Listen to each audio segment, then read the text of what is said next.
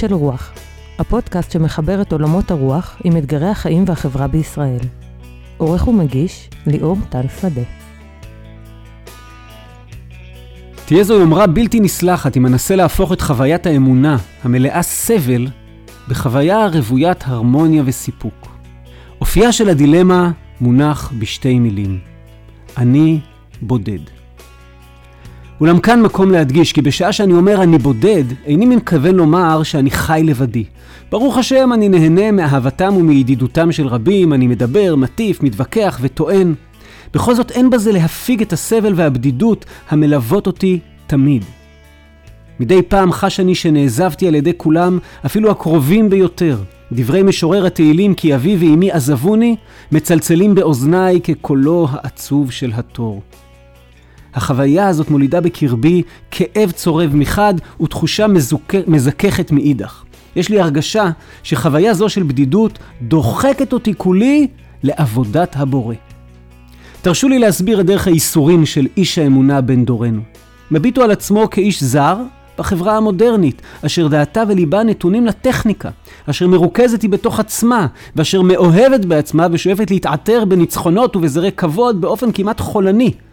מה יכול לומר איש האמונה כמוני, החי על פי עיקרון שאין בו עוצמה טכנית, על פי חוק ומשפט שאינם נבחנים במעבדה, איש הוא איתן בנאמנותו לחזון אחרית הימים, אשר סבירותו וכל שכן ודאותו אין לקבוע בתחזית, ואפילו על ידי חישובים מסובכים של מתמטיקה גבוהה. מה יכול איש כזה להגיד לחברה המושתתת על תועלתיות ועל אוריינטציה חילונית, שהנימוקים המעשיים של השכל והתבונה דחקו בזה מזמן את רגשות הרוח והלב? השלום לכם ולכם, קולות של רוח, הפרק ה-42, אה, ואנחנו מתחילים עכשיו סדרה חדשה, אבל לפני שנתחיל אותה אני רק אגיד לכם שמי שמעוניין לבוא ללמוד על הרמב"ם, אה, עשינו עליו ארבעה פרקים בעבר, מי שמעוניין לבוא ללמוד על הרמב"ם, אני מתחיל סדרת הרצאות עליו, או יותר נכון סדרה בית מדרשית, לא הרצאות, אנחנו נגביל את כמות המשתתפים, אה, בקולות בלוד, אז אם מישהו מעוניין פשוט תכתבו לי, תשאלו אותי, תמצאו דרך, תיכנסו לאתר קולות, ושם היו כל הפרקים, זה ממש מתחיל עוד מעט, ב-23 בפברואר, פעם בשבוע, ארבעה מפגשים קצרים על הרמב"ם. אז עכשיו אני עוזב את זה בצד, והסדרה החדשה שלנו בקולות של רוח עוסקת בהגות יהודית אקזיסטנציאליסטית, וניסיון להראות זוויות שונות של הגות יהודית. עכשיו חשוב לי מאוד להגיד בפתיח כמה דברים. אחד זה שהנכון לטעמי זה להתחיל סדרה על הגות יהודית אקזיסטנציאליסטית בפילוסוף היהודי האקזיסטנציאליסט הקדום ביותר שהוא קהלת. אבל כבר עשינו פרק על קהלת. משם הייתי ממשיך לאיזה מבוא כללי דרך דמותו של ניטשה. אבל כבר עשינו פרק על ניטשה. ומשם הייתי הולך לטעמי לאקזיסטנציאליסט היהודי הגדול מאוד במאה ה-20, אה, העברי הגדול, שזה יוסף חיים ברנר, אבל כבר עשינו פרק על ברנר. ובכל אחד משלושת הפרקים האלה נתתי מבוא על אקזיסטנציאליזם, בייחוד בפרק על ברנר, ולכן אנחנו לא נעשה את זה עוד פעם, ולא נשקיע עוד פעם 12 דקות במבוא על התפיסה הקיומית, אז אני רק מפנה אתכם אה, לשמוע את הפרקים הללו, ומי שמחפש עכשיו רק מבוא קצר על התורה הקיומית, ללכת לברנר, ופה אנחנו נגיד אה, רק אה, תזכורות בסיסיות. ומי זה אנחנו? אז אנחנו פוגשים עכשיו עוד פעם, בפעם הרביעית, את יקיר הפודקאסט, פרופסור משה הלינגר, שיושב פה לצידי, ואנחנו יושבים בביתו. שלום, משה. שלום.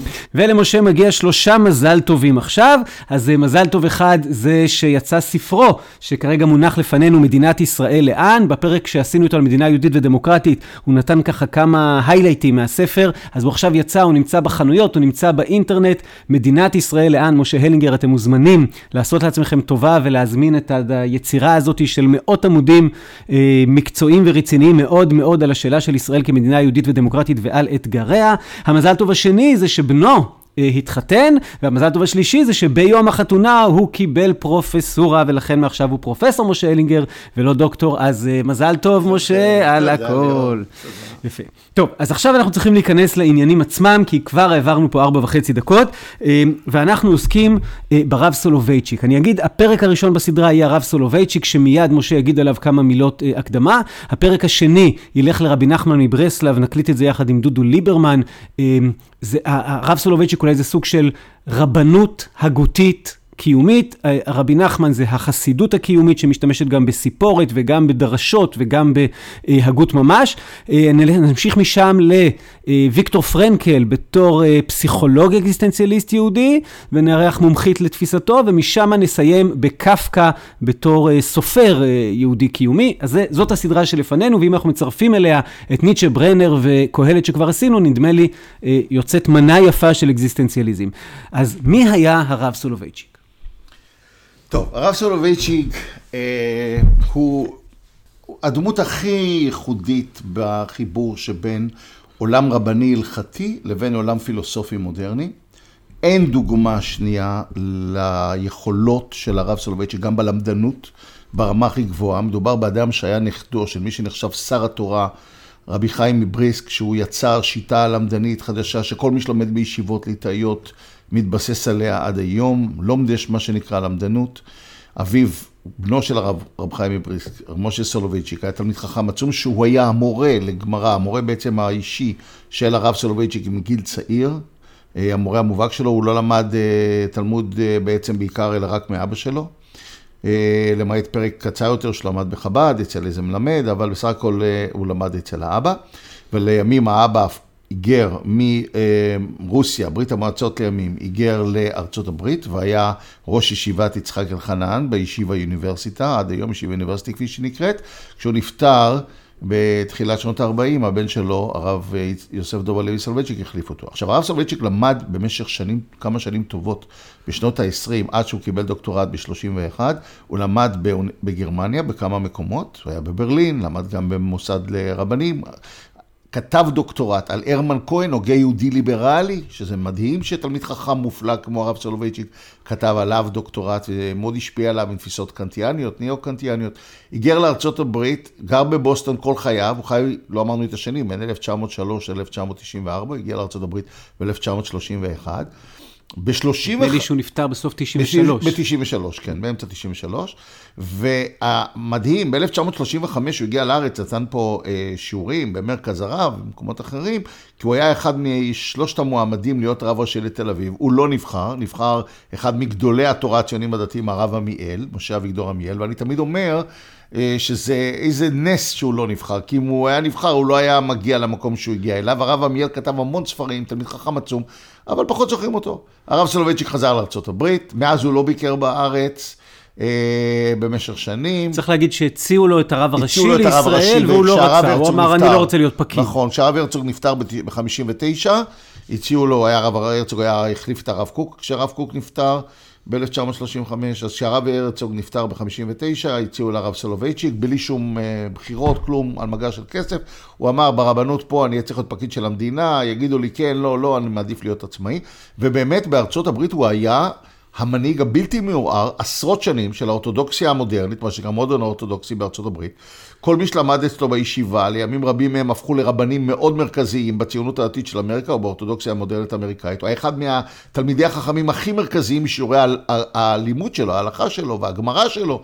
באמת למדן בדרגת על. ובאותה עת כתב ספרי, מעט פרסם בימיו, הרבה התפרסם גם אחרי פטירתו, בדרשות ומאמרים שלו, והוא כתב גם ספרות פילוסופית עמוקה, מעמיקה, שמתוך הקטע שנשמע בהתחלה, בא מהטקסט הזה, מהספרות ההגותית שלו. כך שזה חיבור שאין אף אדם אחר במאה ה-20, כי האדם היחיד שתמיד משווים את הרב סולובייצ'יק אליו זה הרב אברהם יצחק הכהן קוק. הרב קוק היה תלמיד חכם עצום וגם קרא הגות, אבל הוא קרא הגות בדרך כלל מכלי שני, דרך כל מיני כתבי עת בעברית, והוא הכיר הוגים משם. הרב סולובייצ'יק למד ועשה דוקטורט אצל הטובים ביותר, והכיר את ההגות הרצינית ביותר בגרמניה, שבשנות ה-20 הייתה מהמשובחים מהמקומות המשובחים בעולם, כך שמדובר אדם באמת בשילוב של שני תחומים שבשניהם הוא היה בטופ.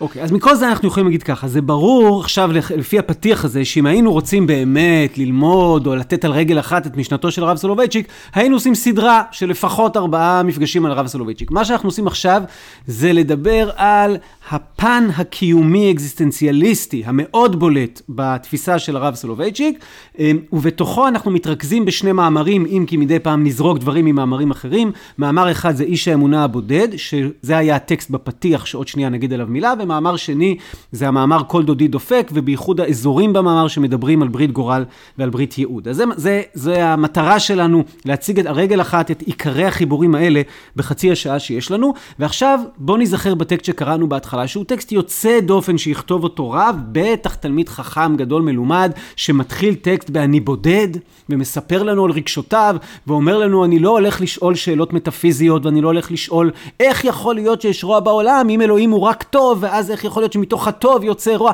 לא מעניין אותו האזורים האלה, מה שמעניין אותו זה הקיום של האדם והמידה של האדם. כשהוא ידבר הרבה על שאלת הסבל, הוא ידבר עליה מהאזורים האלה, של איך אני עומד מול הדבר הזה, אקזיסטנציאליסט מובהק, והוא מציג לנו את בעייתו לא רק של האיש הבודד, במאה ה-20, אלא של איש האמונה הבודד במאה ה-20. הוא אומר, נכון, יש גם את הבדידות שקשורה לניכור ולטכנולוגיה של החברה ולאובדן מסורות ולאובדן הקהילה, אבל אני רוצה לדבר על איש האמונה הבודד, על המצב שבו הוא נמצא אה, אה, בימינו. וכשהוא בא לדבר על איש האמונה הבודד, הוא לא עושה את מה שיעשו הרבה אקזיסטנציאליסטים, זאת אומרת, בשלב מסוים הוא מפסיק לכאורה את הדיבור האישי הזה, ו- ולאן הוא הולך?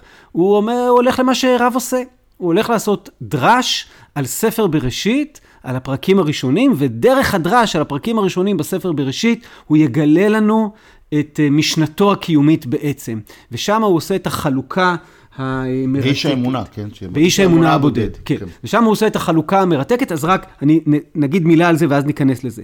ביקורת, ביקורת המקרא מאוד נהנית לקרוא את פרקים א' וב' של ספר בראשית, בגלל שבעצם מופיעים לנו שני סיפורי בריאה כשאנחנו מדברים בייחוד על בריאת האדם, אבל לא רק, שני סיפורי בריאה שונים לחלוטין, ואז הם אומרים, הנה, זה חובר בתקופה מסוימת, וזה חובר בתקופה אחרת, ומישהו איגד אותם יחדיו, וכן הלאה. אנחנו לא ניכנס לשאלה אם זה נכון או לא נכון. מה שבטוח הוא שיש שני סיפורי בריאה בספר בראשית, ושהרב סולובייצ'יק עושה מזה מטעמים ואומר, יש פה בעצם שני פנים עמוקים מאוד של הקיום האנושי, דרך האדם הראשון שמתואר בבריאה הראשונה, ודרך האדם השני שמתואר בבריאה השנייה. בואו ניקח את זה משם. טוב. מי מה... זה האדם הראשון אוקיי, הזה? אז מה ש... קודם כל צריך, רק לפני זה אני רק אומר בכל זאת משפט אה, משמעותי. צריך לזכור שהכיוון האקזיסטנציאליסטי של אה, הרב סולובייצ'יק היה רלוונטי גם בשלבים מוקדמים של כתיבתו, אבל בעיקר התפתח החל משנות החמישים. המאמר השני, כל דודי דופק, שנדבר עליו, הוא, הוא, זה, זה דרשה שלו מ-1956, יום העצמאות של מדינת ישראל. אה, ואיש האמונה של אמצע שנות ה-60, ומאמרים נוספים שהתפרסמו בשנות ה-60 וה-70, והרצאות שלו, ששם באמת המד האקזיסטנציאליסטי הפך למרכזי. עכשיו, בטקסט הזה, שהוא באמת טקסט מרכזי של היצירה האקזיסטנציאליסטית היהודית בכלל, איש האמונה הבודד, הרב סולובייצ'יק מבחין בין דמות האדם בפרק א' בבראשית, שנאמר עליו שאלוהים ברא את האדם בצלם אלוהים, והטיל עליו משימות, פור ורבור, דו בדגת הים, בעוף השמיים, וכבשוע, לכבוש את הטבע, לכבוש את העולם, וזה בעצם, הוא מגדיר אותו כטיפוס של איש ההדר. זאת אומרת, הוא עושה טיפוסים טהוריים, מי שמכיר את, ה, את המורשת הגרמנית, דיברו על איזה טיפוס טהור, גם במציאות הוא יותר מורכב, וטיפוס הטהור הזה הוא של איש אדר. מה זה אומר איש אדר? שהוא במידה רבה איש העולם המודרני, הטכנולוגי, המדעי, עומד מול הטבע, רוצה לכבוש את הטבע, רוצה אה, להשתמש ביכולות התבוניות שלו כדי להגיע ליצירות משמעותיות ביותר, מגדיר אותו הכבוד האנושי, ההדר האנושי, היכולת של גאווה אנושית אל מול ההישגיות וכולי. זאת אומרת, הוא שואל את עצמו את השאלה כיצד פועל הקיום ולא למה.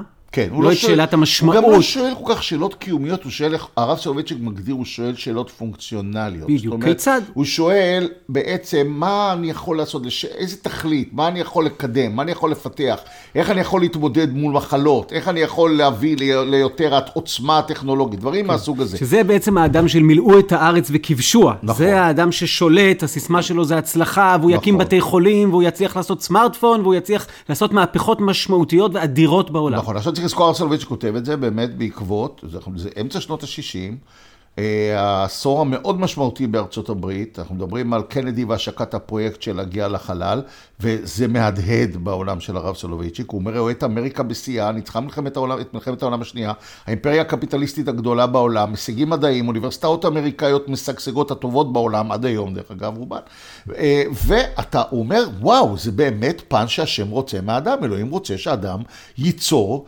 וימשיך את הבריאה, איך נאמר במקורות שלנו, לא תוהו בראה לשבת יצרה, זה דבר מאוד משמעותי, אבל זה לא מספיק. כן, זה רק פן אחד. במובנים האלה, לכן על האדם הראשון נאמר בצלם אלוהים, כי כמו שאלוהים בורא ויוצר, ככה האדם... הוא יוצר. עכשיו זה התפקיד שלך, אני הולך נכון. לנוח.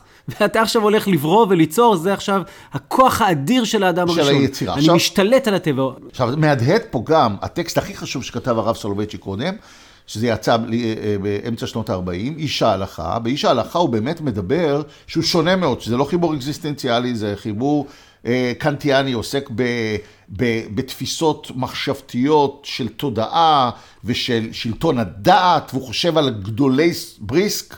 שעל אבא שלו ועל סבא שלו זה בעצם קינה להם, בעיקר על רב חיים מבריסק, ואיש הדעת שמתבטא גם באיש ההלכה, הוא אדם שבעזרת התבונה שלו יוצר יצירה הלכתית אדירה, בדומה למדען שיוצר יצירה אדירה. אדירה. אז יש פה איזה מין הדהוד מסוים באיש ההדר של איש האמונה שאנחנו עוסקים בו, לחיבור שנכתב 20 שנה קודם, איש ההלכה, שגם איש ההלכה שיוצר למדנות ומלאכים מבריקים, אה, שכליים, בעצם משתמש בכוח יצירתו האינדיבידואלית להתקדמות אדירה. אבל פה הדגש עובר להיות מהר מאוד לפן אחר, שלא היה בהגות המוקדמת של הרב סולובייצ'יק, וזה דווקא האדם השני. האדם השני שמתואר בפרק ב', שם אנחנו רואים, דרך אגב, רק מישהו מחפש הבדלים מפרק א' לב', ההבדל הכי בולט, מעבר למה שהרב סולובייצ'יק עושה כאן, שזה קשור למה שהוא עושה, אבל עדיין, בפרק א' מדובר שאלוהים בורא את האדם שהוא זכר ונקבה. זאת אומרת, האדם הוא human being, הוא לא גבר או אישה, הוא, איך אמרו חז"ל, דו פרצופין. כלומר, יש שני צדדים, צד גבר, צד אישה. לעומת זאת, בפרק ב' מסובר על האדם כזכר, שהוא בודד, והוא מחפש מישהו שיהיה בן זוג לדיאלוג איתו, מתאר הרב סולובייצ'יק את זה בצורה מאוד יפה, הוא מנסה עם החיות, זה לא הולך, עד שבסוף נבראת חווה, עת, ואז הוא אומר, זה איך נאמר שם בפרק ב', זאת הפעם, עצם העצמי ובשר ובשרי, לזאת יקרא אישה וכולי, ואז יש לו, על כן יעזוב איש את אביו ואת אמו ודבק באשתו, והיו לבשר אחד. בזה מסתיים פרק ב'. זאת אומרת, פרק ב' מלמד אותנו הרב סולובייצ'יק, איש, האדם ב', האדם השני, חווה לעומק חו... חוויות של בדידות. ומתוך תחושת הבדידות הקיומית, זה לא הדר אל מול העולם החיצוני, זה הוא פונה פנימה אל תוך עצמו. הוא מסתכל אל עצמו, הוא מרגיש את סופיותו, הוא מרגיש את חלקיותו. אלה מוטיבים שאנחנו מכירים אותם היטב באגודה האקזיסטנציאלית מאז קירקגור במאה ה-19, ומתוך זה הוא מחפש את הדיאלוג, את הזוגיות, את הקשר לאחר, והקשר העמוק ביותר הוא בין גבר ואישה שביחד יוצרים משפחה, וזה הבסיס לקשר שמתאר הרב סולובייצ'יק בהמשך, האיש האמונה של קהילה שהיא קהילה לא פונקציונלית, כמו הקהילה כן, של אדם. עוד, עוד רגע נגיע לקהילה, נגיד רק, אז האדם הזה מתוך הבדידות הזאת, מתוך המצב הקיומי הזה, אם האדם הראש, הקודם, אומר סולובייצ'יק, שאל כיצד, ושאל שאלות פונקציונליות, הוא ישאל שאלות כמו אה, מדוע, מי אני, ומה המגמה של כל הדבר הזה. אני מסתכל על העולם, אני עומד מולו, אה, אה, אחרי זה סרטר יגיד בחילה, או, או יגידו אה, סחרור, אני עומד מול האבל הבלים הזה, ואני שואל, למה? מה התכלית? בשביל מה כל זה קיים? מילה אחת משמע, מרכז, מרכזית כאן, בשיח האקזיסטנציאלי, משמעות. גם אצל ויקטור פרנקל, שנדבר עליו בהמשך, האדם מחפש משמעות. החיפוש אחר משמעות עומד בלב ההגות האקזיסטנציאליסטית לסוגיה. עכשיו, אני חייב לומר פה רק אמירה אחת רחבה יותר, שהיא מאוד חשובה. ההגות האקזיסטנציאלית יש לה שני שלבים. יש את, המונח אקזיסטנציאליזם עצמו הוא מונח מהמאה ה-20, הוא מתקשר בעיקר למשנה של היידגר, שהרב סולובייצ'יק הכיר אותה היטב. אה, הוויה וזמן שלו מ-1927, חיבור מופת, אחד מספרי המופת הפילוסופיים הגדולים של המאה ה-20, לא תורגם, תורגם כרגע, אני חושב, לעברית, עדיין לא יצא. מסיבות טובות, כן, מסיבות רגשיות קשה, טובות. אה, גם רגשיות, אבל קשה, גם ספר לא פשוט. אבל, ואז אנחנו מדברים על אנשים כמו היידיגר וסרטר וקאמי ואחרים. במאה ה-19, אבות האקזיסטנציאליזם, בעיקר שלושה הוגים גדולים, זה סרן קיקי אורדני, וזה הסופר הגדול הרוסי פיודור דוסטויבסקי, וזה פרידריך ניטשה הגרמני. עכשיו, החיפוש אחר משמעות אל מול עולם של סבל ובעיות קיום ומוות ומוגבלות האדם ותחושת אבסורדיות, כפי שיקרא לזה לימים קמי, וכולי, מאוד משמעותית אצל כולם. אלא שפה עולים שני טיפוסים של הוגים אקזיסטנציאליים, והרב סולובייצ'יק מייצג אחד מהם ביהדות. סוג אחד זה הגות, ודיברתם קודם על ברנר, זה הסוג השני. סוג אחד זה הגות אקזיסטנציאליסטית דתית, קירקגור ההוגה האקזיסטנציאלי הראשון, ששואל שאלות קיומיות ולא אינטלקטואליות, בזה הוא מורד בהגל, ההוגה הגדול של המחצית הראשונה של המאה ה-19, מביא את המשמעות לעבר משמעות דתית. מה שקורה קפיצת האמונה, אביר האמונה בחיבור הגדול שלו, שרואה את, אדם, את אברהם אבינו וכדומה. כלומר, המשמעות היא בעולם הדתי. גם דוסטויבסקי, ביצירות הגדולות שלו, באידיוט, והחטא ועונשו, באחים קרמזוב. הדרך היחידה להתמודד עם האבסורדיות, ועם חוסר המשמעות, ועם הסבל, ועם האיסורים, ועם התחושה הזאת של הבדידות של האדם, היא דרך הגאולה הדתית. לעומת זאת, ניטשה מייצג את הסוג השני של דווקא מות האלוהים. כלומר, אדם צריך, ולימים קמי יעשה את זה, וסרטר יעשה את זה, כלומר, אנחנו צריכים למצוא בחיים שלנו, בלי פתרונות קלים, בלי בריחה אל הדת, בלי אשליות דתיות, למצוא את המשמעות במה שקמי יגיד, סוג המיתוס של סיזיפוס. זאת אומרת, שאתה שוב, אתה צריך לגלגל את ההר, את האבן למעלה, כמו במיתולוגיה היוונית, ואתה רואה באותו רגע את האבן מתגלגלת, גלגלת אותה, אתה יורד שוב, אתה יודע, זה חוס, עם חוסר משמעות, ועדיין תמצא משמעות. אני מסכים, אבל עם הערה קטנה, כשתיארת את האקזיסטנציאליזם הדתי, אמרת, איך בסוף אני אמצא את הפתרון, את ההתמודדות? דרך הגאולה שהיא נמצאת בדת. אצל הרב סולובייצ'יק, אני חושב, הוא אומר לנו, לא, אתה לא מבין. הדת עושה אותי עוד יותר בבעיה, עוד יותר בודד. אני לא מצאתי שם את הפתרון. אני רוצה להגיד לך, אתה הולך לחוות איסורים, אתה הולך לחוות עמידה קשה.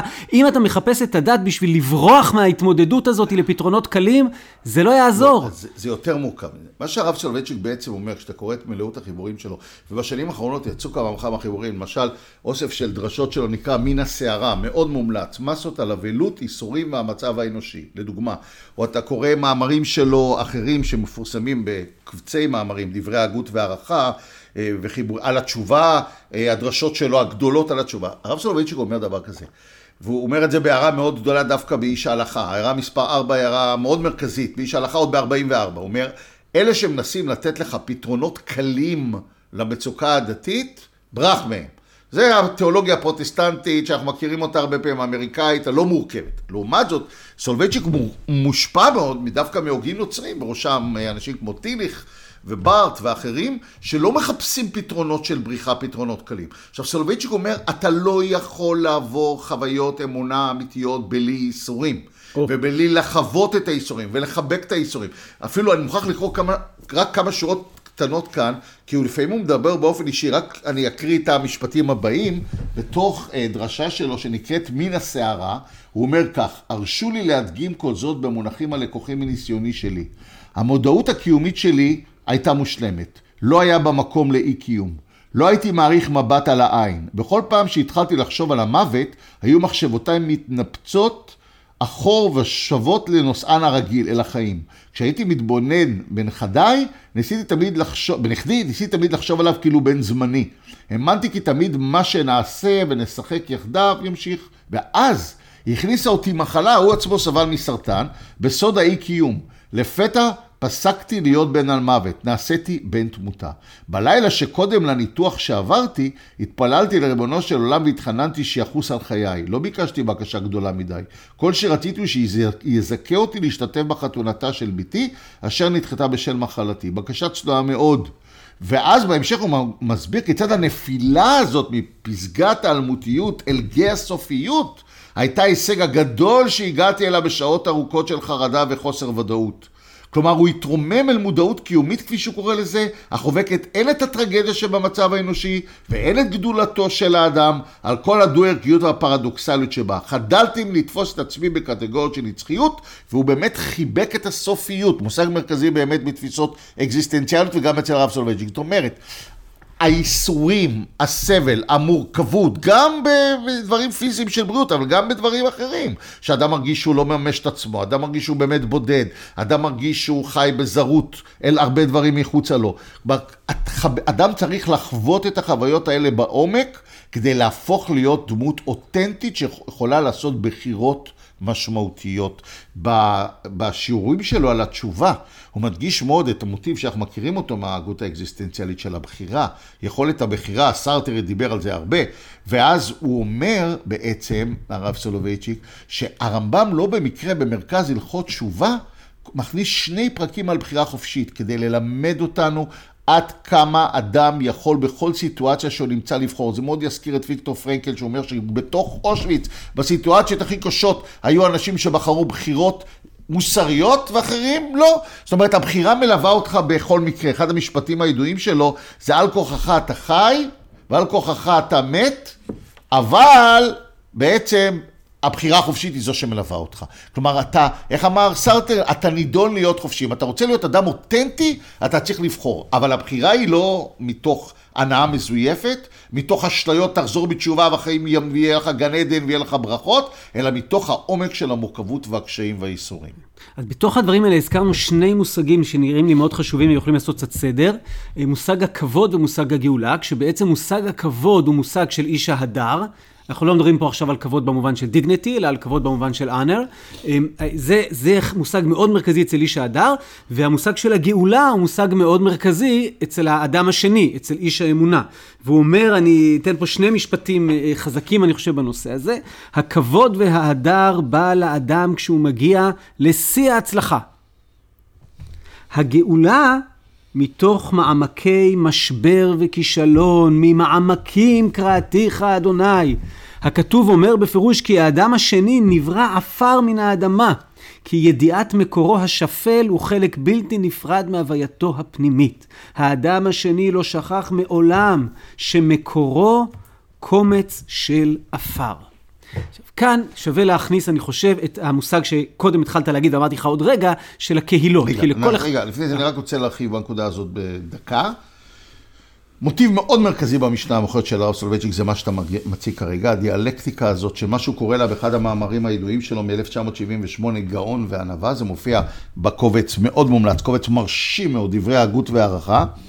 שיש שם גם את אה, כל דודי דופק וכמה מסות מאוד חשובות אחרות שלו על הקהילה ועל בית הכנסת ועל הרבה דברים אחרים.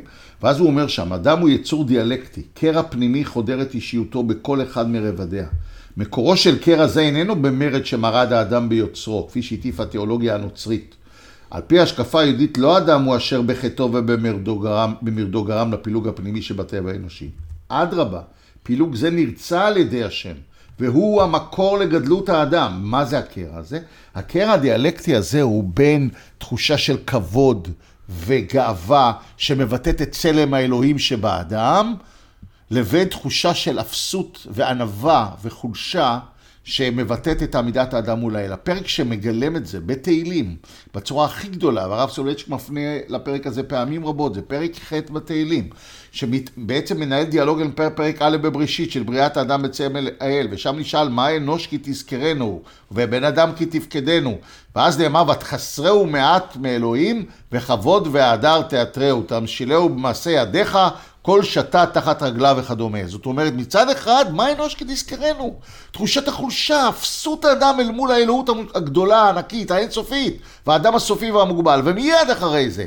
אבל כבוד והדר תיאטרהו תמשילו. כלומר, הדיאלקטיקה בין גאון וענווה ששניהם באות מהאלוהים. צלם האלוהים שבאדם, שנותן כבוד והדר, ולכן ההלכה כל כך, והרב סולובייצ'יק תמיד מדבר גם במונחים הלכתיים, מקפידה על כך שאדם צריך להקפיד על הכבוד שלו, אסור לו לאכול ברשות הרבים, אומר הרב סולובייצ'יק, חייב האדם להקפיד בכבודו, כמה שאדם בדרגה יותר גבוהה והוא לא מקפיד בכבודו, הוא עובר עבירה יותר חמורה, ומהצד השני, הענווה האינסופית אל מול האלוהים הרוחני האדיר והאדם המוגבל, שזה אמור לתת לו באמת תחושה של מוגבלות וסופיות, ומתוך העוצמה הזאת של החולשה הזאת, הוא אמור לצמוח, לפתח גאולה. לכן שאלת אותי אם יש גאולה, יש גאולה, וככה אנחנו נגיע לקהילה. אז, אז שנייה לפני שמגיעים לזה, ואולי נחלוק על השאלה אם יש גאולה, אמ, אמרת משהו שאולי עכשיו הוא מגלה את הסוד, שוודאי כולם כבר הבינו.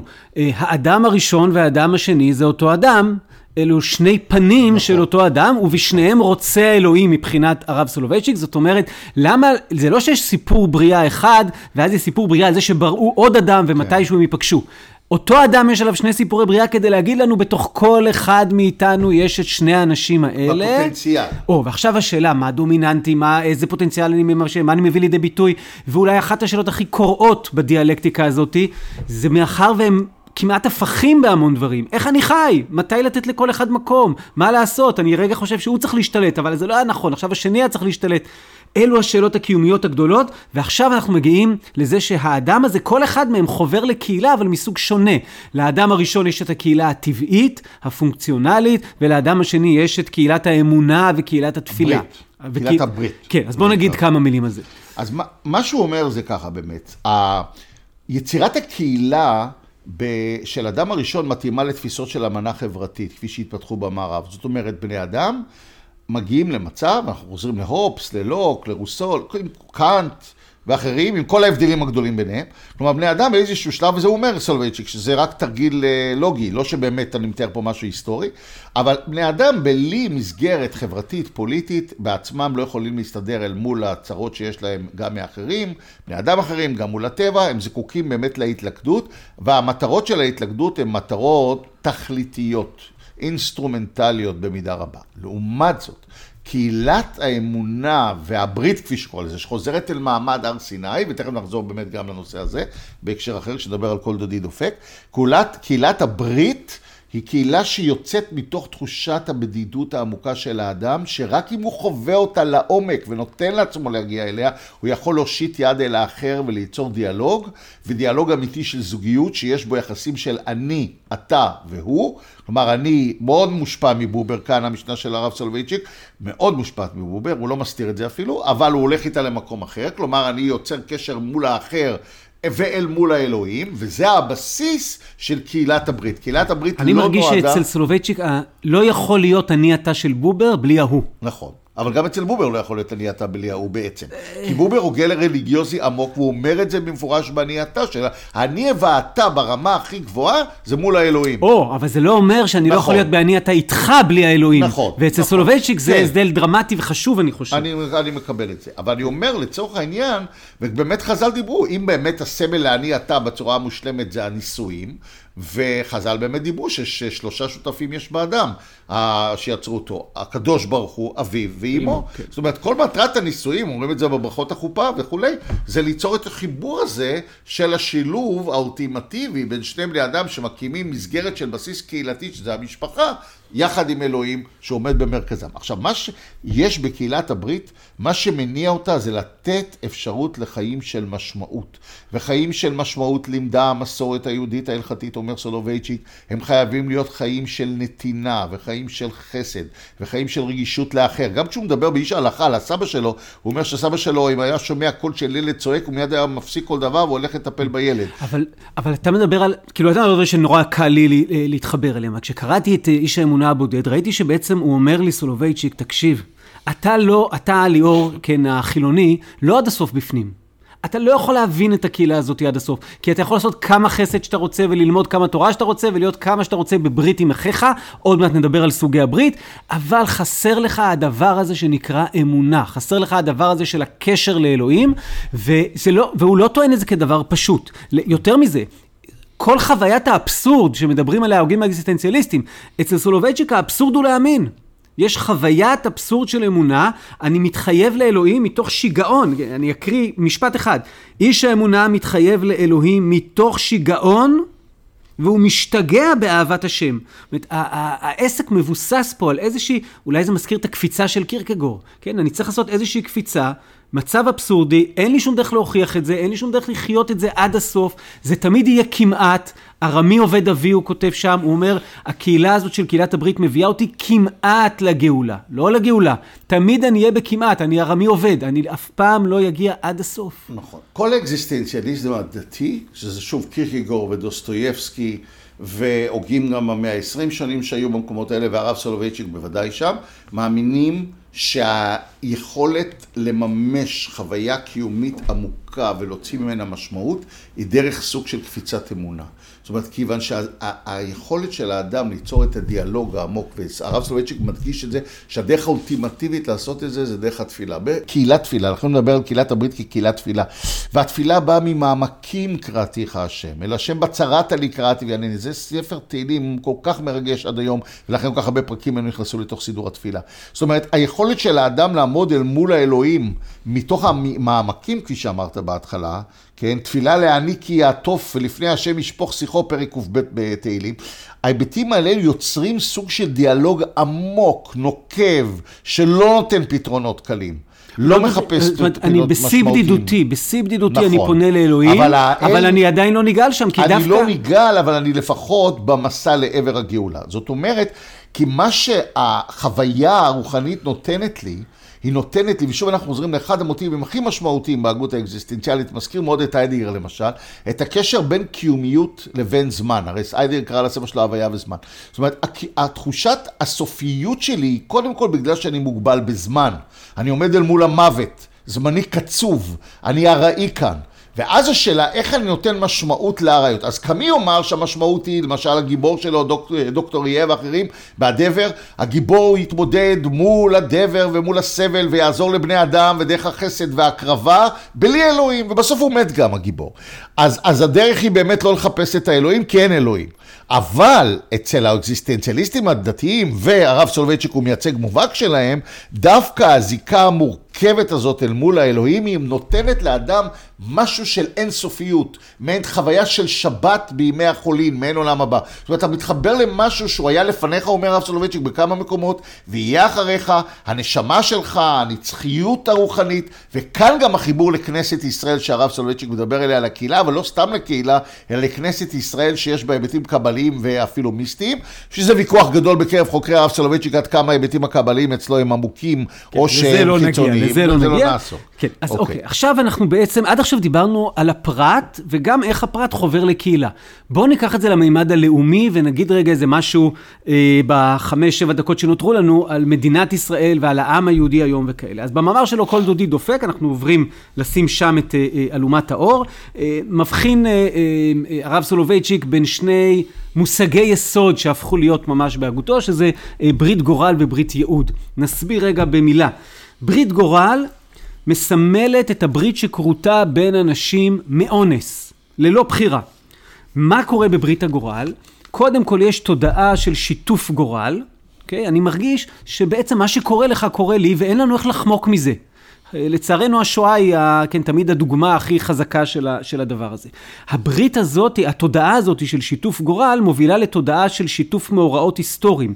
ואז אנחנו מרגישים שאנחנו שותפים לסבל. אומרת, שיתוף הגורל מביא אותנו לתחושה של שותפות בסבל. הסבל של היהודי שנמצא במרוקו נוגע לליבו של הסבל של היהודי שנמצא ב... וכן הלאה וכן הלאה. ואז מתוך שיתוף הסבל, אני מרגיש, רגע, מאחר אנחנו שותפים לסבל, יש לי איזושהי חובה כלפיך, יש לי איזושהי אחריות כלפיך, ומגיע השלב הרביעי של ברית הגורל, תהיה בינינו ערבות הדדית, וזה חלק מברית הגורל, לא הייעוד עדיין. זאת אומרת, הגורל דוחף אותנו למקום שבו יש בינינו איזושהי ברית. אבל זה לא מספיק, כל זה נעשה מאונס, יש גם את ברית הייעוד. אגב, מעבר לערבות הדדית, יש גם עוד רובד אחד, שזה באמת פעילות של חסד. שכולם שותפים לה ביחד. לא רק תחושת כן. הערבות הדדית, אלא פעילות של חסד. כלומר, יש ארבע רבדים כן. בפן של הברית גורל. ארבעה כן. רבדים. שהרובד, אז הרובד העליון הוא חובת צדקה וגמילות נכון, חסדים. ש... נכון, נכון. ואז מגיע ברית הייעוד, שזה הפוך, זה לא מאונס, זה קיום מדעת שהאומה בחרה בו. הברית הזאת היא הברית שבה אנחנו מחליטים אה, למה, בשביל מה, מי אנחנו, מה אנחנו רוצים להיות. אבל כמובן אצל הרב סולובייצ'יק זה יהיה נטוע עמוק במקורות. ברית אה, הגורל היא ברית מצרים. לא בחרנו להיות עבדים, אבל תראו מה קרה לנו ואיך זה גרם ולקחתי אתכם לי לעם, אלוהים לוקח את עם ישראל, כן? לא, הם לא בחרו. יפה, וברית הייעוד היא אה, ברית סיני, שזה כבר הנעשה ונשמע של עם ישראל. כן, ואז הוא אומר ככה, מה תוכן ברית סיני? אורח חיים מיוחד המכוון את חיי האדם לגישום תכלית אחת המונחת חוצה ליכולת האדם איש הגורל, והיא הידמות אדם לבוראו על ידי התעלות על עצמית. מעניין, זה כאילו הבטם ליין שלו, היא אמ, ההידמות של האדם לבורו על ידי התעלות על עצמית, ואז הוא אומר משפט מאוד מעניין, שאולי קשור לספר שלך ושאפשר יהיה לדבר עליו איזה שלוש דקות. הוא אומר, הוא כותב את המאמר לכבוד יום העצמות השמיני של ישראל, והוא אומר ככה, השליחות של מדינת ישראל היא להפוך את ברית הגורל לברית ייעוד. שאם יש משהו שאפשר להגיד 60-70 שנה אחרי, זה שאנחנו חשים בדיוק את ההפך נדמה לי. זאת אומרת, אין, אין, לא מצליחים לעשות פה שום ברית ייעוד, כל הסיפור של ברית ייעוד מתפרק לחלוטין, ודאי לא הידמות האדם לבורו על ידי התעלות על עצמית, אנחנו מחולקים לשבטים, בין השבטים עוברים שסעים עמוקים, האם בכלל המונחים, המונח של ברית ייעוד רלוונטי בימינו? אז קודם כל, אני אעיר פה שלוש הערות. הערה ראשונה, הרב סולובייצ'יק הולך פה בעקבות הרב סולובייצ'יק, וזה מהלך מהפכני, קשה להפריז בחשיבותו. העובדה שהוא מתחיל את הגדרת הזהות היהודית בברית גורל אומרת עולם ומלואו, זו אמירה ציונית. זאת אומרת, תמיד בוויכוח הזה שהיהדות היא גם דת וגם לאום, מה הקומה הדומיננטית? הרב הירשנזון, אחד מחשובי ההוגים הציונים הדתיים שלא קיבל את המשקל המגיע לו בחייו, דיבר כבר בשנות ה-20 של המאה ה-20 שהקומה העיקרית היא הקומה הלאומית. וזה חוזר להרצל, לתנועה הציונית ולרב ריינס שהזכרת אותו מקודם. זאת אומרת, אנחנו יוצרים שותפות של סבל, צרת היהודים לשונו של אה, אחד העם. כלומר, זו הקומה הראשונה של זהות. אתה לא דתי, או אפילו אם אתה עובד אלילים בזמן התנ"ך, ואתה, אבל אתה אחד מעם ישראל. זאת אומרת, זו קומה מרכזית, והרב סולובייצ'יק בונה לתוך זה היבטים מוסריים. הוא אומר שכבר ברובד הלאומי, הקיום הזה אל מול האחר, אל מול הסבל, הוא מזכיר את השואה, הוא מזכיר את קהילת יהודי ארצות הברית שלו, כן. הייתה רגישה מספיק ליהוד, ועל זה הוא מדבר, אנחנו כולנו חטאנו, אנחנו חטאנו, אני עצמי אומר חטאתי, לא עשינו את כל מה שביכולתנו לצרוח מול רוזוולט כדי שיפציץ את המחנות ודברים מהסוג הזה, ואותו דבר אפשר לומר גם על הקהילה היישובית בארץ, יש על זה הרבה דיונים, האם היה פה באמת מספיק רגישות כלפי הסבל בשואה. אנחנו צריכים קודם כל להרגיש שאנחנו כולנו גוף אחד שעומד מול הסבל ומבטא את זה דרך סולידריות, כל ישראל ערבים זה לזה, דרך צדקה. צדקה, דרך פעילות משמעותית. כל זה ברובד הלאומי. ופה אפשר לשאול האם מדינת ישראל לא ברובד היהודי, ברובד הקיומי עומדת היום במקום הנדרש בהתאם לתפיסות של הרב סולובייצ'יק. עכשיו, לגבי הרובד השני, שהרובד הרוחני הדתי, פה זה תמיד היה המשנה של הציונות הדתית, וצריך לזכור שהמאמר הזה הוא דרשה. הוא דרשה שנישאה לאנשים ציונים דתיים. כך היא לא חור... היא צריכה גם להתכתב מול גבול הגזרה כאן. ופה הוא באמת עושה מעבר בין ההגות הקיומית האינדיבידואלית שלו לבין ההגות הציונית הדתית שלו. הוא היה מנהיג הציונות הדתית בארצות הברית. ואז הוא אומר, אנחנו כציונים דתיים יודעים שהקומה השנייה הגדולה של הציונות, מה שהרב קוק בזמנו קרא לה ירושלים, זה הקומה הרוחנית הדתית שיכולה להוביל אותנו לעבר גבהים אחרים. יכול אדם היום לומר, אני יכול לקבל מהרב סולובייצ'יק את התפיסה של ברית גורל וברית ייעוד, אבל אם אני לא דתי במובן האורתודוקסי, אני יכול להיות רפורמי או קונסרבטיבי או חילוני או לא משנה מה, אבל אני כן מתחבר לרב סולובייצ'יק בזה שיש לנו היבטים רוחניים ולא רק פיזיים, ואנחנו צריכים לחרוג אל משהו שיש בו באמת היבטים של מימוש עצמי ברמה גבוהה יותר, תרבותי, אבל השאלה, אם, אם שכל אחד, ושאלתי פעם את, אה, זה, זה משפט שנורא כיף להגיד, שאלתי פעם את עמוס עוז, אה, מה, מה מחבר אותנו עם כל המחלוקות האלה ש, שקיימות בינינו? אז הוא אמר לי, תקשיב, פה בארץ חמדת אבות תתגשמנה כל התקוות. התקוות שונות לחלוטין, הפוכות לחלוטין, אין ביניהם קשר, התקוות רבות אחת עם השנייה, הם בחיים לא יסכימו אחת עם השנייה, אבל מה שמחבר זה שפה בארץ חמדת אבות הן תתגשמנה. זאת אומרת, אנחנו מרגישים את הציונות הזאת. אבל זה... לא, הרב סולובייצ'יק. לא. זה לא הרב סולובייצ'יק. הוא מדבר על יהדות, הוא כן. לא מדבר על ארץ ישראל. נכון. ארץ ישראל חשובה לו מאוד, והדאגה, הוא כותב, הוא מרצה כן, אבל הוא לא בא. הוא לא, לא בא, כיוון שהוא היה לו חובה, הוא הנהיג את הקהילה היהודית בארצות הברית. אוקיי, והוא עשה עבודה אדירה שם, הוא הכשיר מאות רבנים. אני רוצה לשאול אותך ככה, רגע, שנייה. אני רק רוצה להוסיף, לומר בנקודה הזאת, זה כמו ש... זה לא מספיק ארץ ישראל. תחשוב היום, אם אנחנו מדברים על ברית גורל וברית ייעוד, האם ביחסים בין מדינת ישראל לבין יהדות התפוצות, יש באמת תודעה של ברית גורל, עזוב כרגע את היהודיות, ודאי שלא משותף. כי רוב הציבור היהודי בארץ הוא דתי כן. או מסורתי אורתודוקסי. אבל בארצות הברית הרוב הם או רפורמים או לא מזוהים. אז ודאי שבייעוד לא. אבל בגורל, היום חלק הולך וגדל מהציבור היהודי בארצות הברית הצעיר, הולך ומתרחק ממדינת ישראל, מתקרב למשנה של ברני סנדרס, ישראל כמדינה קולוניאליסטית כובשת, מקבלים את המסר הזה באוניברסיטאות. בארץ, הציבור היהודי הולך ברובו ומתנכר, ולא אכפת לו מהצרכים של הציבור היהודי בארצות הברית, לא רגיש לבעיות אוניברסליות, תיקון עולם, לא רגיש לבעיות של צדק חברתי, לא רואה בעיה בשליטה ביהודה ושומרון, יש לו עמדות ימניות לפעמים לאומניות. זאת אומרת, הבעיות אגב, שלנו פורסם, היום... השבוע פורסם מחקר מאוד מאוד מפתיע, הוא הפתיע את מי שערך את המחקר. 75% מיהודי ארצות הברית אומרים שתחושת הקשר והאחריות שלהם כלפי מדינת ישראל לא השתנתה בעשר נכון, שנים האחרונות. שזה מדהים. שזה מדהים. זה מדהים. כי עדיין, כי לכאורה אתה רואה בפרקטיקה שיותר ויותר יהודים בארצות הברית, הזהות היהודית שלהם, לא רק במובן היהודי, גם במובן של הגורל, הם לא מגיעים לארץ, הם כן. לא שולחים את הילדים שלהם לארץ וכו'. יחד עם זה צריך לומר דבר אחד, יהודי ארצות הברית עדיין, בניגוד ליהודי ישראל, זאת אומרת, ישראל יותר חשובה ליהודי ארצות הברית מאשר יהדות ארצות הברית חשובה ליהודי ישראל. תחושת ברית הגורל והייעוד שם יותר חזקה, למה? כי. הם מיעוט. או אפילו עכשיו שטראמפ עולה, רוב ארצות הברית שלא אוהבים את טראמפ, עוד יותר מפחדים מכל מיני אנטישמים שסביב טראמפ יצאו כפטריות אחרי הגשם, וכאילו אומרים, ופתאום יש התקפות אנטישמיות לא מועטות על יהודים בניו יורק ובמקומות אחרים. האדמה מתחילה לרעוד להם מתחת הרגליים, לא כמו ביהודי צרפת, אבל זה בכל זאת משפיע.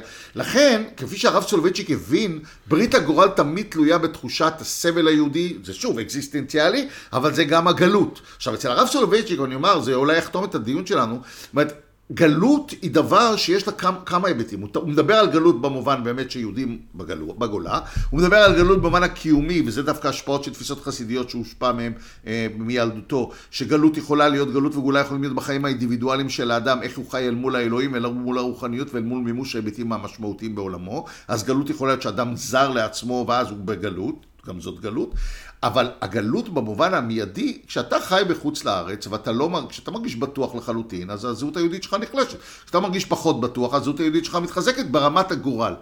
האם ישראל יכולה ליצור לא רק ברית גורל, אלא גם ברית ייעוד, דרך אמנה מחודשת בין ציבורים יהודים שונים ובין הציבור היהודי לציבור האמריקאי, זה בדיוק מה שאני מנסה לעשות בפרק ה-12 מהספר שלי, שאני מנסה לקחת ערכים אוניברסליים של כבוד האדם, ערך האדם, רגישות חברתית, סולידריות, ביזוריות שלטונית, כל מיני היבטים שיש בהם היבטים דמוקרטיים. הומניסטיים, ולהוציא אותם דווקא מתוך היהדות, לא מתוך תפיסות מערביות, והם יושבים חזק במורשת היהודית, ולתת להם משקל הרבה יותר גדול. כי הרי הבעיה רגע, זאת הגדולה... אומרת, אתה עונה כן גם במובן היהודי. הריאלי, או רק במובן התיאורטי? ואתה אומר, אתה באמת מאמין שאנחנו יכולים ליצור ברית ייעוד שתקיף 80% מהעם היהודי בימינו, שיגידו, כן. זה הברית שלנו. אני אנחנו- גם לא מסכים, תראה, אני יותר מורכב מהרב סולובייצ'יק, זאת אומרת, זה ברור לי שרוב הגמור של היהודים, גם רוב אלה שמגדירים את עצמם חילונים, מנהלים דיאלוג קיומי אל מול האלוהים באיזושהי צורה, אלוהים, כוח עליון, whatever, אל מול הטקסטים היהודיים באיזושהי צורה, אל מול חוויות שקיימות בדת היהודית לדורותיה, מה שמונע מהם, אם יש משהו שמונע מהם לנהל על זה, ודיברנו על זה בפודקאסט קודם, זה יותר הלחץ הדתי, הכפייה הדתית, סחטנות פוליטית, כל מיני דברים כאלה שמנקרים אותם, אבל אם זה היה יורד, והממסד, ואיזה יופי שהרב סולובייצ'יק לא ישב כרב ראשי, אלא באמת ישב בארצות הברית והיה מורה ומחנך והשפיע, אז באמת, אם הפן הזה יורד, אז אני חושב שרוב הציבור היהודי כן יכול להתחבר להיבטים אה, רליגיוזיים מסוימים, אבל זה לא צריך להיות זה עם אורתודוקסיה, זה לא צריך, בעיניי. זה לא צריך להיות זה זה לא עם יכול ציונות להיות, דתית. מה זה? לא, זה גם לא- אני לא חושב באידיאל. זאת אומרת, אני באידיאל שלי יותר פלורליסט מהרב סולובייצ'יק, אני יותר קרוב לדוד הרטמן מהבחינה הזאת, לרב הרטמן, ואני כן חושב, תלמידו של הרב סולובייצ'יק, שזז שמאלה ממנו מבחינה אורתודוקסית ונהיה יותר ליברל אורתודוקסי, ואני סבור שאם אנחנו ניצור מכנה משותף רחב, אפשר ליצור שפה בריטית. בין אורתודוקסים, קונסרבטיביים ורפורמים, בין יהודים וחילוניים, שיוכלו למצוא תכנים שהם גם יהודיים ייחודיים, פרטיקולריים, גם אוניברסליים, שבהם אפשר ליצור גם רגישות לאדם באשר הוא אדם, גם דאגה לזהות היהודית ולשימור קיומיות יהודית, ודרך זה ליצור ברית חדשה בין הזרמים היהודים כולם. אני אגיד לך שאני, אמ, לצערי, פחות אופטימי ממך. באיזה מובן? בתיאוריה אנחנו מאוד מסכימים בזה, ודיברנו על זה בפרק אחר, בפרק על מדינה יהודית ודמוקרטית, כולם מוזמנים להקשיב. במעשי, אני מרגיש שהסיכוי בעשרות השנים הקרובות לברית ייעוד שהרוב של העם היהודי, 70, 80 אחוז, מרגיש חלק ממנה, הוא סיכוי אפסי, ושאת האנרגיות צריך להשקיע בלייצר סיפור משותף. שאנשים ירגישו לפחות שהם חלק מאותו סיפור, שזה אז אתה נשאר בברית הגורל. לא, זה מונח שהוא בין ברית גורל לבין ברית ייעוד. כי סיפור משותף הוא חלק סיפור שאני יוצר אותו. הוא לא רק סיפור שאני נכפה עליי, אבל אני חלק מסיפור משותף, גם אם יש לי ערכים שונים, וגם אם אני אה, לא יכול לכרות איתך ברית על מה הייעוד של כל הסיפור הזה, אבל אנחנו חלק מאותו סיפור. זה אני מרגיש כמושג ביניים, עוד משהו שאפשר לעשות אותו, אני גם משקיע בו לא מעט. אני מודה, אולי זה לא טוב, שקצת אתה מסיפור של ברית מסתכל על ייעוד. המנהיגות, לא, לא. ואתה אני- לא מסתכל על הציבורים המורכבים. הבא, אני לא טוען. כל הזמן בהרצאות שלי, שאם המנהיגות, הציבור הרבה יותר מורכב ור- ודיאלוגי כזה, כלומר שיש בו זהויות מורכבות, מאשר הדרך שבה המנהיגות הפוליטית, התרבותית, הדתית, אה, המשפטית, ודאי. ואחרים מנסים להוביל אותו. אם אתה תלך לרוב הציבור היהודי בישראל, הוא גם דתי וגם חילוני במינונים שונים. אם אתה תלך לציבור... מבחינת שמאל לא, הוא. איפשהו על רצף בין שמאל לימין. זהותית אתה צודק. השאלה אם זאת ייעודית. אומרת, צריך ליצור מצב, וזה מה שאני מנסה לעשות, לפחות בכוחותיי הדלים, משקיע בזה, הזכרתי שקיבלתי פרופסורה, אז אני שנים לא קיבלתי ולא התקדמתי כי עשיתי דברים אחרים, אתה מכיר אותם היטב. זאת אומרת, צריך ליצור מצב שניצור שכבת ביניים מנהיגותית, מספיק רחבה, בקאדר נרחב של אנשים שהם מנהיגי ביניים, שהם יוכלו להיות במסה כזאת שתשפיע על המנהיגות הפוליטית, התרבותית, הדתית וכולי, ליצור שפה כזאת. כשאני מסתכל על הפוטנציאל בקרב חלק מרבני הציונות הדתית היותר ליברליים, ויש רבים שלא שהציבור לא מכיר אותם, אבל אני יודע עליהם, ונשים והמהפכה הפמיניסטית שחלק גדול מהנשים נמצאות יותר ויותר במקום דיאלוגי, וזה אני מאוד מברך על כך. אני מסתכל על מה שקורה בקהילות אה, חילוניות שהן נהיות יותר מגוונות, קהילות גדולות שאתה קשור אליהן. אז אתה נמלא. באופטימיות ובזה שזה. יכול... לא, אני אומר ככה. הפוטנציאל. אני סיימתי את הספר שלי במשפט, לא עליך המלאכה לגמור, ולא אתה בן חורין להיבטל ממנה. איך המצאת כזה משפט? ממסכת אבות. זאת אומרת, הפוטנציאל גדול, אנחנו צריכים לעשות את ההשתדלות שלנו, את הבחירה שלנו בלשונו של הרב סולובייצ'יק, להתמודד מול המורכבויות, ולקוות ש... איך נאמר, הבא לתאר, מסייעים אותו. זאת אומרת, אם נעשה את שלנו, גם כן זה יסתדר. אמן ואמן. יופי, מסיימים בדברים אופטימיים, ובטח ניפגש עוד חודשיים שלושה לעוד איזה פרק בנושא אחר. אז תודה רבה למשה, ותודה לכם שאתם מאזינות ומאזינים. אה, הפרק הבא יהיה על רבי נחמן מברסלב, אה, ושיהיה לכולנו ימים טובים ושקטים.